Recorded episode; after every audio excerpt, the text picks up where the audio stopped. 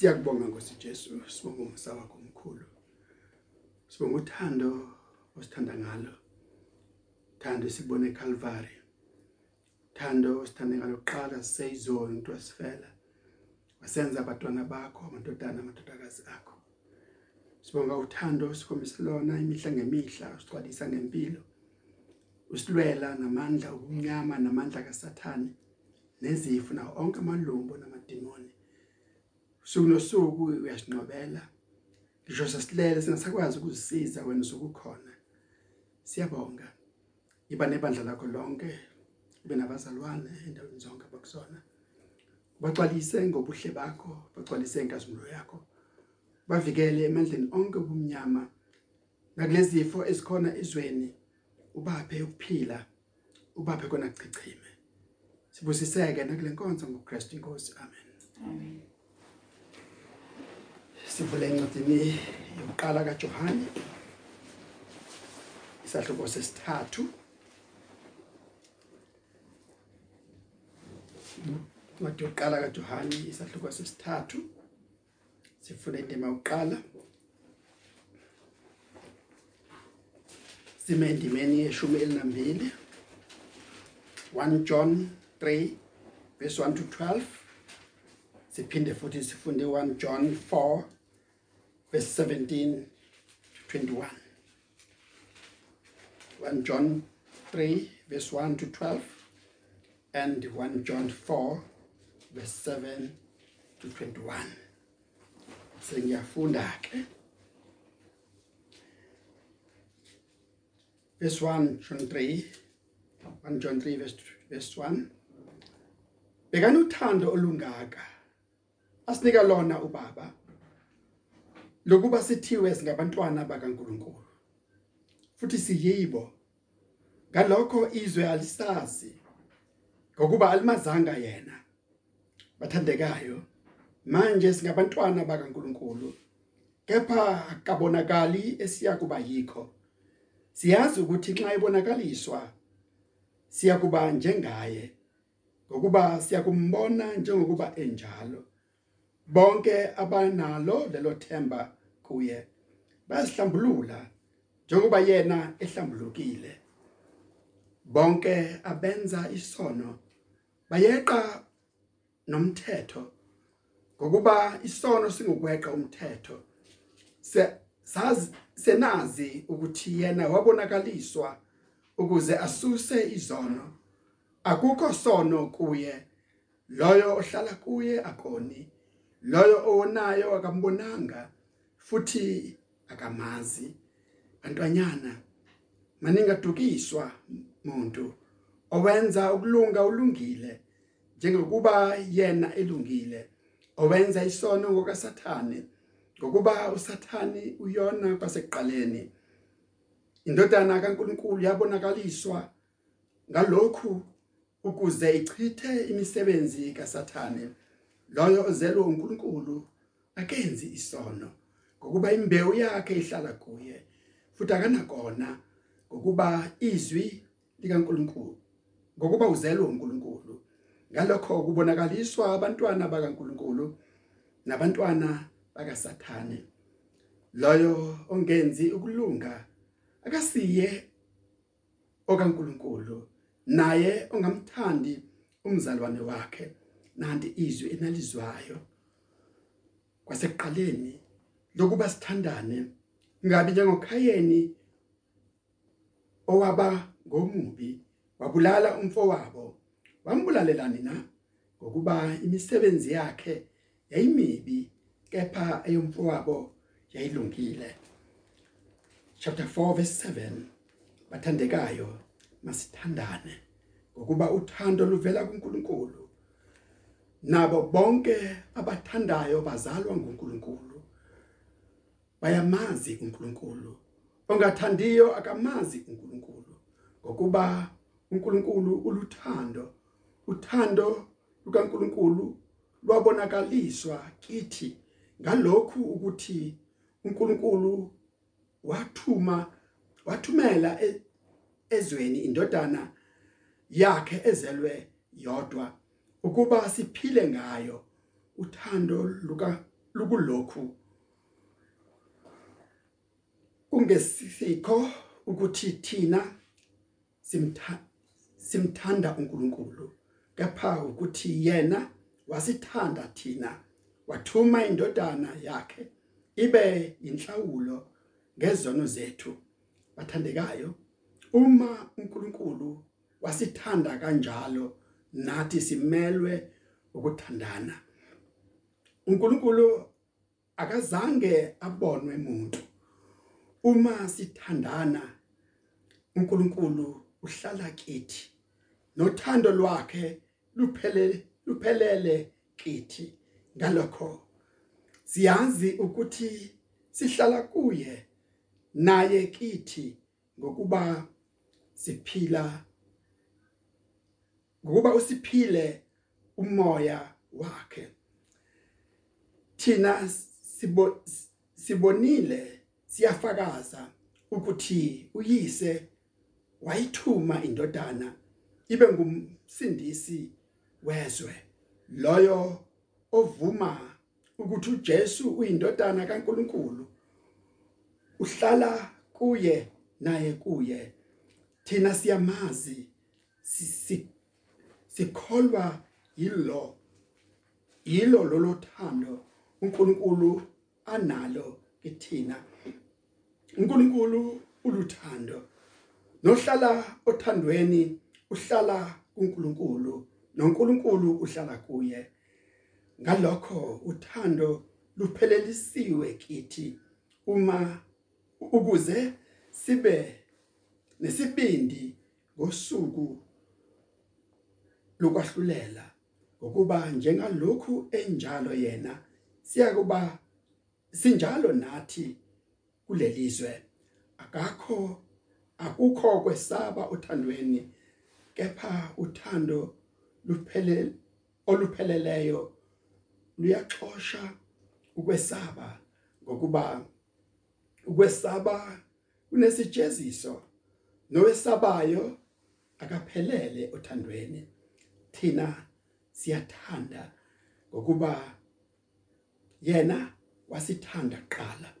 Uma umuntu esho ukuthi ngiyamthanda uNkulunkulu kepha ezonda umzalwane wakhe ungumqamimanga. Ngokuba ongathandi umzalwane wakhe ambonileyo. Ngamthanda kanjani uNkulunkulu? Angambonanga. Yebo lo myalo sinawo uvela kuNkulunkulu ukuthi othanda uNkulunkulu makathande nomzalwane wakhe. Izwi lakho simakade siyabonga kangaka ukusipha lona. Sigcwalise inkazimulo yakho. Amen. Ngibingelela ke nonke bazalwane namhlanje na? Egameni lika Christ inkosi ngithanda ukuba sikhulume ngalamazwi esiqedwa kwafunda. Noma ke sifunde izindima ezimbili ezinde kodwa asizukuba bade kangako. Uma sifunda kuqala endabeni kaJohane umpostoli esahlukweni sesithathu kwivangeli ngokaJohane the gospel of John chapter 3 verse 16 sifunda khona ukuthi uNkulunkulu walithanda izwe kangaka. Waziwanikela ngendodana yakhe izelwe yodwa. Kubilona lo kholwa yiyo ngabhubhi kodwa benokuphila ukuphakade and the last qede khona ukufunda sikhunjuzwa uyena uJohane and uyanaba manje ngendaba yothando. Uyanaba kabanzi ngothando. uNkulunkulu alithelile ezweni. Nerespondi ayilindele kubantu. Ake sikhumbule ukuthi akakhulumi ngothando lwemizwa akakhulumi ngothando lwezinkanuko kodwa ukhuluma ngothando lokuzidela thando lokuzinikela. Yilokho akushilo emavangelini ethi uma umuntu ethanda ukuzemva kwakhe akazincame akazidele athabathe isiphambano sakhe amlandele. Ku1 John 3 verse 1 umpostoli ukhuluma under the excitement. Ugcwele intokozo.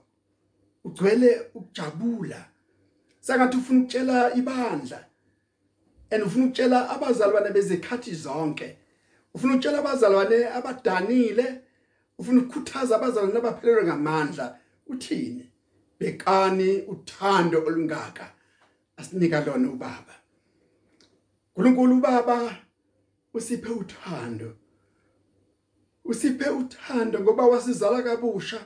Kungengambewu ephelayo kungengambewu ebunayo wasizala kabusha. Uze athi kweindawo siyizoni uKristu wasifela. Wafela abangamaziyo. Wafela nathi abezizwe not just amajuda not just uIsrayeli. Wafela nathi abantu abantsundu abantu abalahlwe izizwe zonke. Abantu abacindezelwa izizwe zonke. Abantu ababukelwa phansi izizwe zonke. Kodwa uJesu Kristu uyasithanda. uNkulunkulu uyasithanda. Bekani uthando olungaka asinika lona ubaba lokuba sithiwe singabantwana bakaNkulunkulu. Ngithanda indlela agcizelela ngayo uthi futhi siyebo. Futhi siyebo. Nametha ukuthi umuntu ucabanga kanjani ngawe? Nometha ukuthi umuntu ubona unjani? Nometha ukuthi abantu bakubuka kangakanani bakweya kangakanani? Kodwa uma ukholwa inkosi uJesu uma umamkela uJesu Kristu inkosi thando likaNkuluNkulu liyachichima. Asho ahlabelele umunye athi uthando olungaka olungaka olungaka. Yilokho besikusho sisacula lana. Ukuthi uthando likaBaba njengolwandle ubanzi lujulile. Alwazeki alinganiseki lafinyelela kimi lafinyelela kuwe. Lafinyelela kuthina siseyizoni. uKristu wasithanda. Bekani uthando olungaka asinika lona ubaba. Lokuba sithiwe singabantwana bakaNkuluNkulu.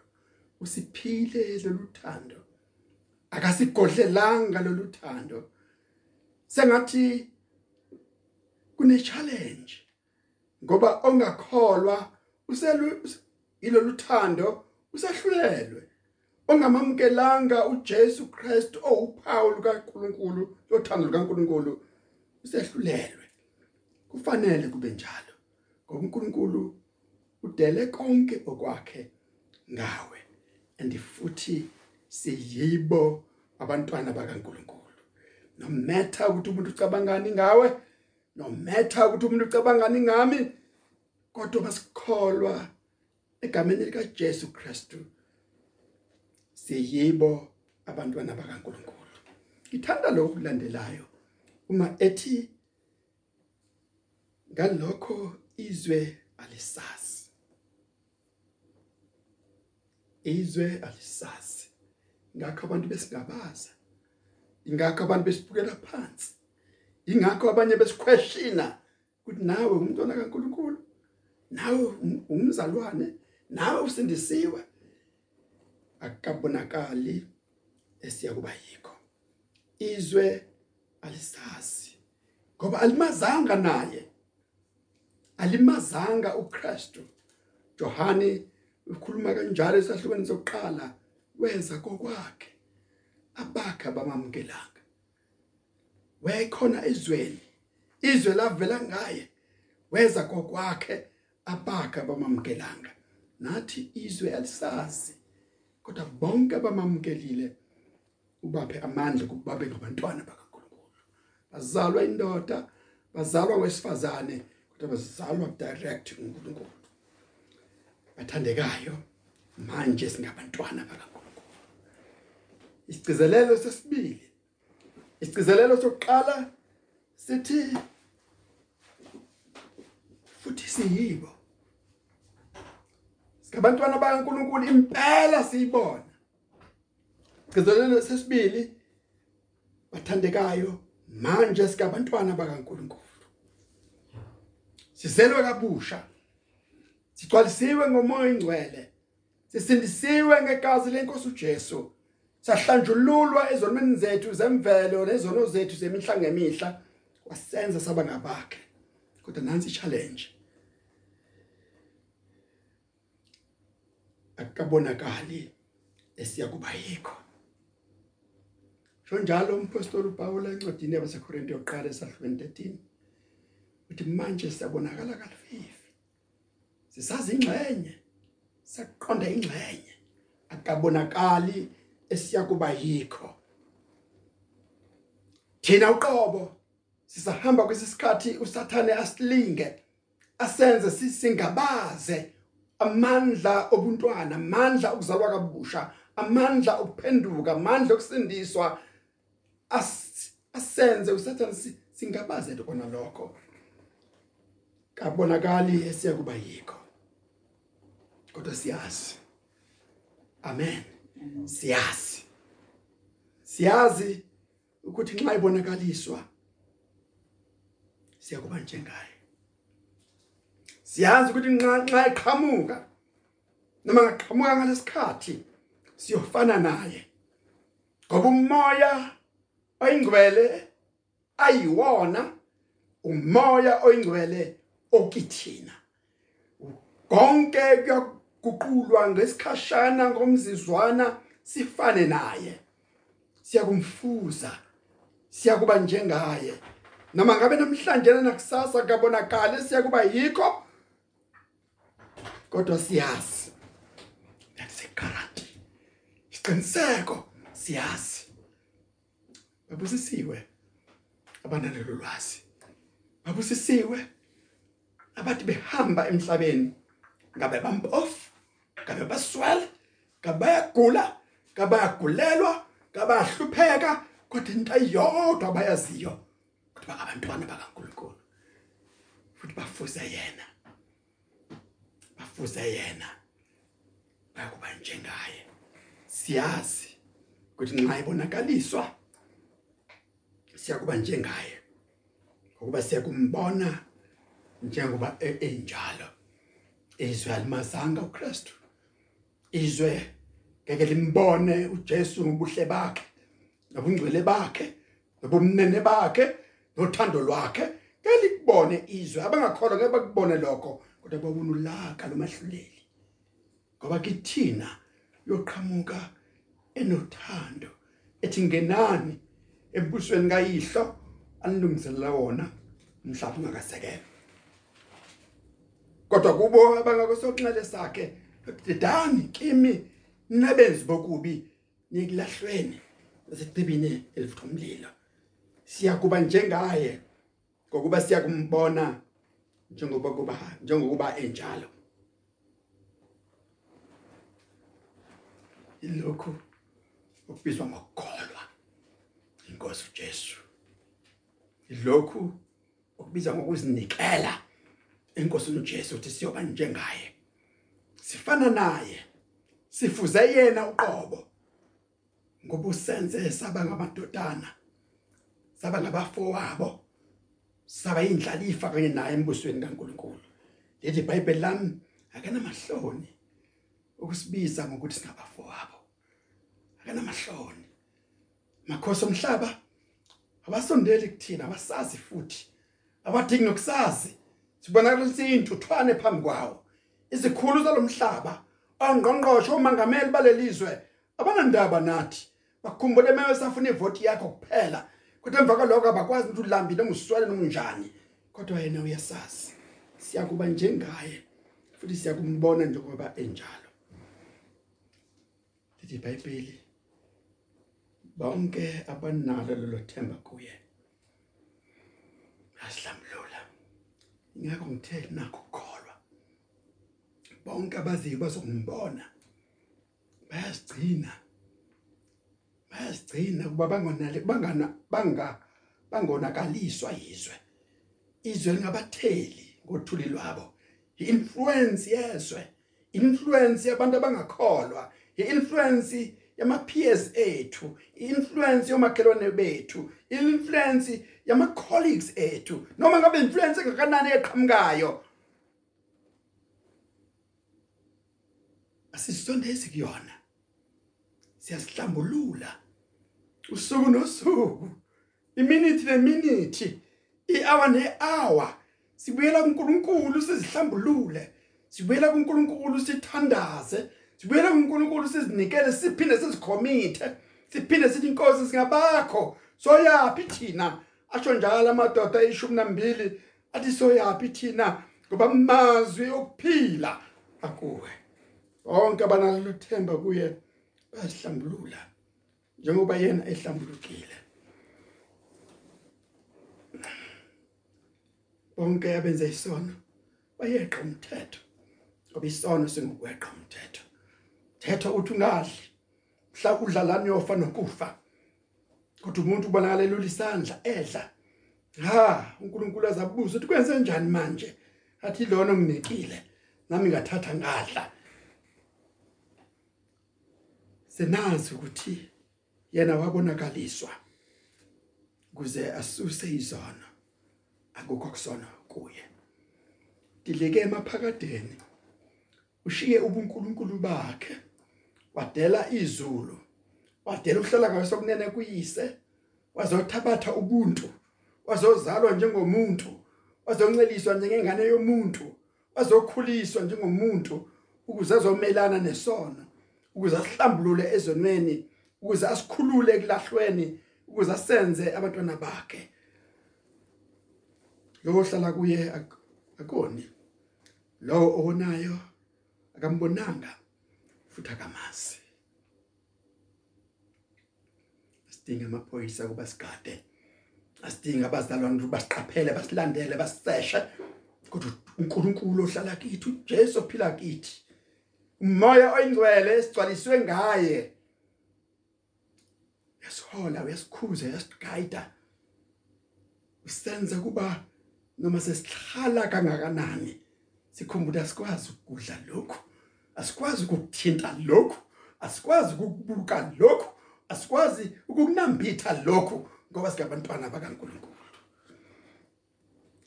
Bathandekayo. Bantwanyana aniyadukiswa umuntu owenza kulunga ulungile. Njengoba yena elungile owenza isono ngokasathani ngokuba usathani uyona kwasekuqaleni. Ndodana kaNkuluNkulu yabonakaliswa ngenxa lokhu ukuze ichithe imisebenzi kaSathane. Sengishilo ukuthi udele ubuNkulunkulu bakhe. Udele indawo efudumele. Udele indawo yaphakade ukuze azosiza asihlangulise asinqobele isitha sethu esingusathane. Zelo uNkulunkulu akoni ngiyalithanda leli vesi. Zelo uNkulunkulu akoni ngoba imbewu kaNkulunkulu ihlala kuye. Yilokhu okushiwo umpostoli uPetro. Uma ethi senizelwe kabusha kungambewu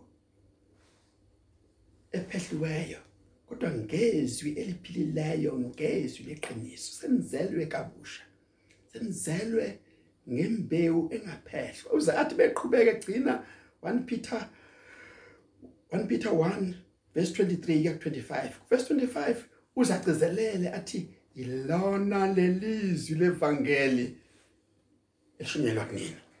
Elimenyezelwa kunina namhlanje na? Sizelwe kabusha ngalo. Senziwa abantwana bakaNkuluNkulu ngalo. Ngalokho kubonakala abantwana bakaNkuluNkulu nabantwana bakaSathane. Kunjalo nje ezweni. Noma bangathi abantu yahlambalaza noma bangathi abantu yahlulela kodwa kunjalo nje. Two groups.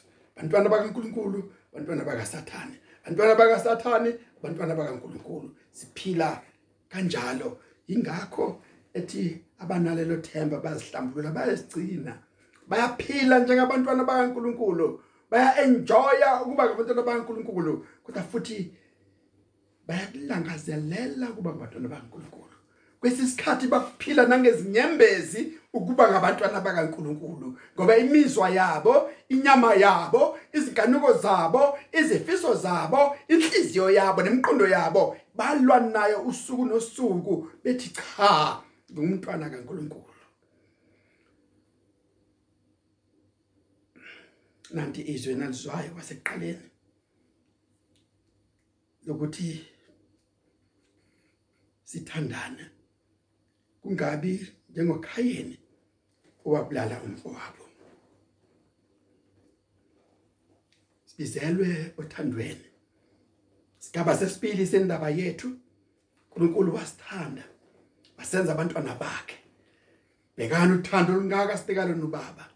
uNkulunkulu alithanda izwe kangaka wazothumela indodana yakhe ezule yodwa kodwa isigaba sesibili sendaba yethu sithi uma nginalelo thando uma nginalelo thando ngifanele ukuthanda nomzalwane wami. Ngifanele ukuthanda nomuntu oseduzeni nami. Ngifanele ukuthanda bonke abantu engibabonayo bathandekayo. Uma uNkulunkulu basithanda kanjalo nathi simelwe ukuthandana. Qala endlini kaKristu qala ebandleni. No no no no no. Bantwana bakaNkulunkulu ake siqaphele ukuthi akekho umuntu obukeka emubi.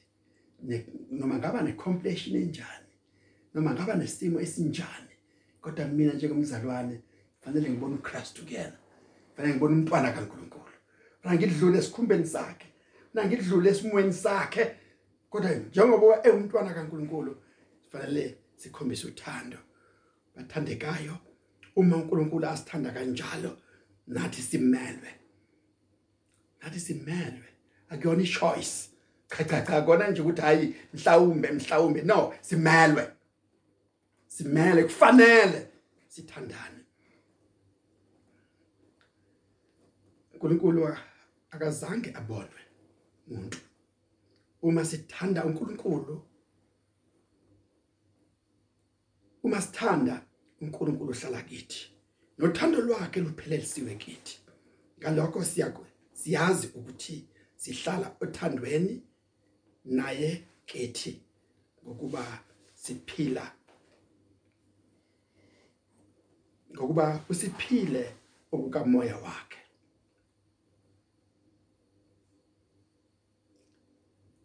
Thina simbonile siyafakaza ukuthi uyise wayithuma indodana ibe ngumsindisi wethu. Loyo ovuma uJesu Kristu.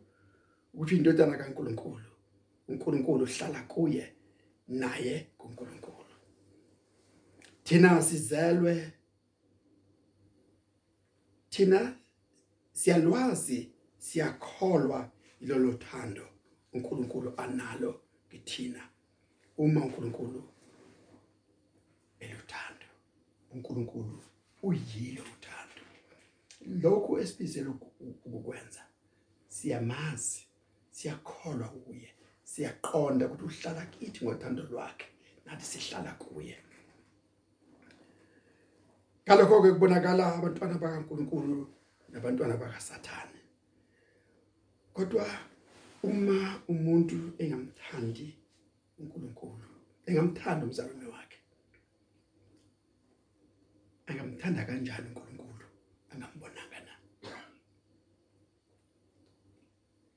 thando likaNkulunkulu alibonakale kithi ngokuthanda abanye abazalwane. Sithanda abantu esihlala nabo sithanda abantu esiphila nabo. Sithande omunye nomunye. Ilokhu uNkulunkulu akufunayo. Ilokhu uNkulunkulu akulindele kumzalwane. Cha sime exekaneni asime eksolaneni asime asime asime ukubukelana phansi yebo lo myalo sinawo uvela kuNkulunkulu ukuthi othanda uNkulunkulu makathande nomzalwane wakhe. This is a command. Nyalo sinawo. Si faithful egcineni imiyalo yabantu.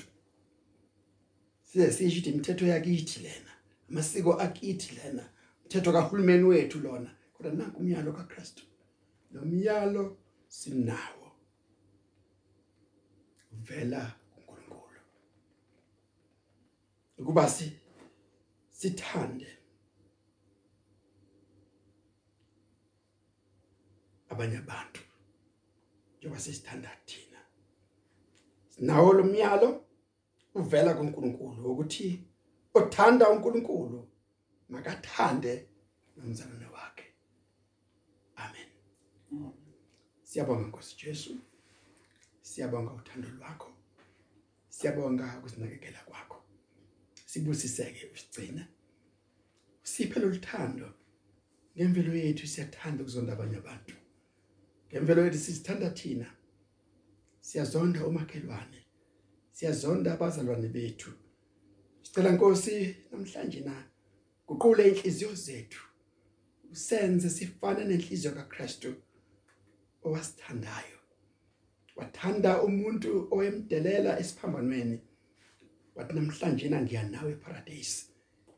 Uma uvuma uma ukholwa uma uthi inkosi ngikhumbule ngiya nawe eparadise.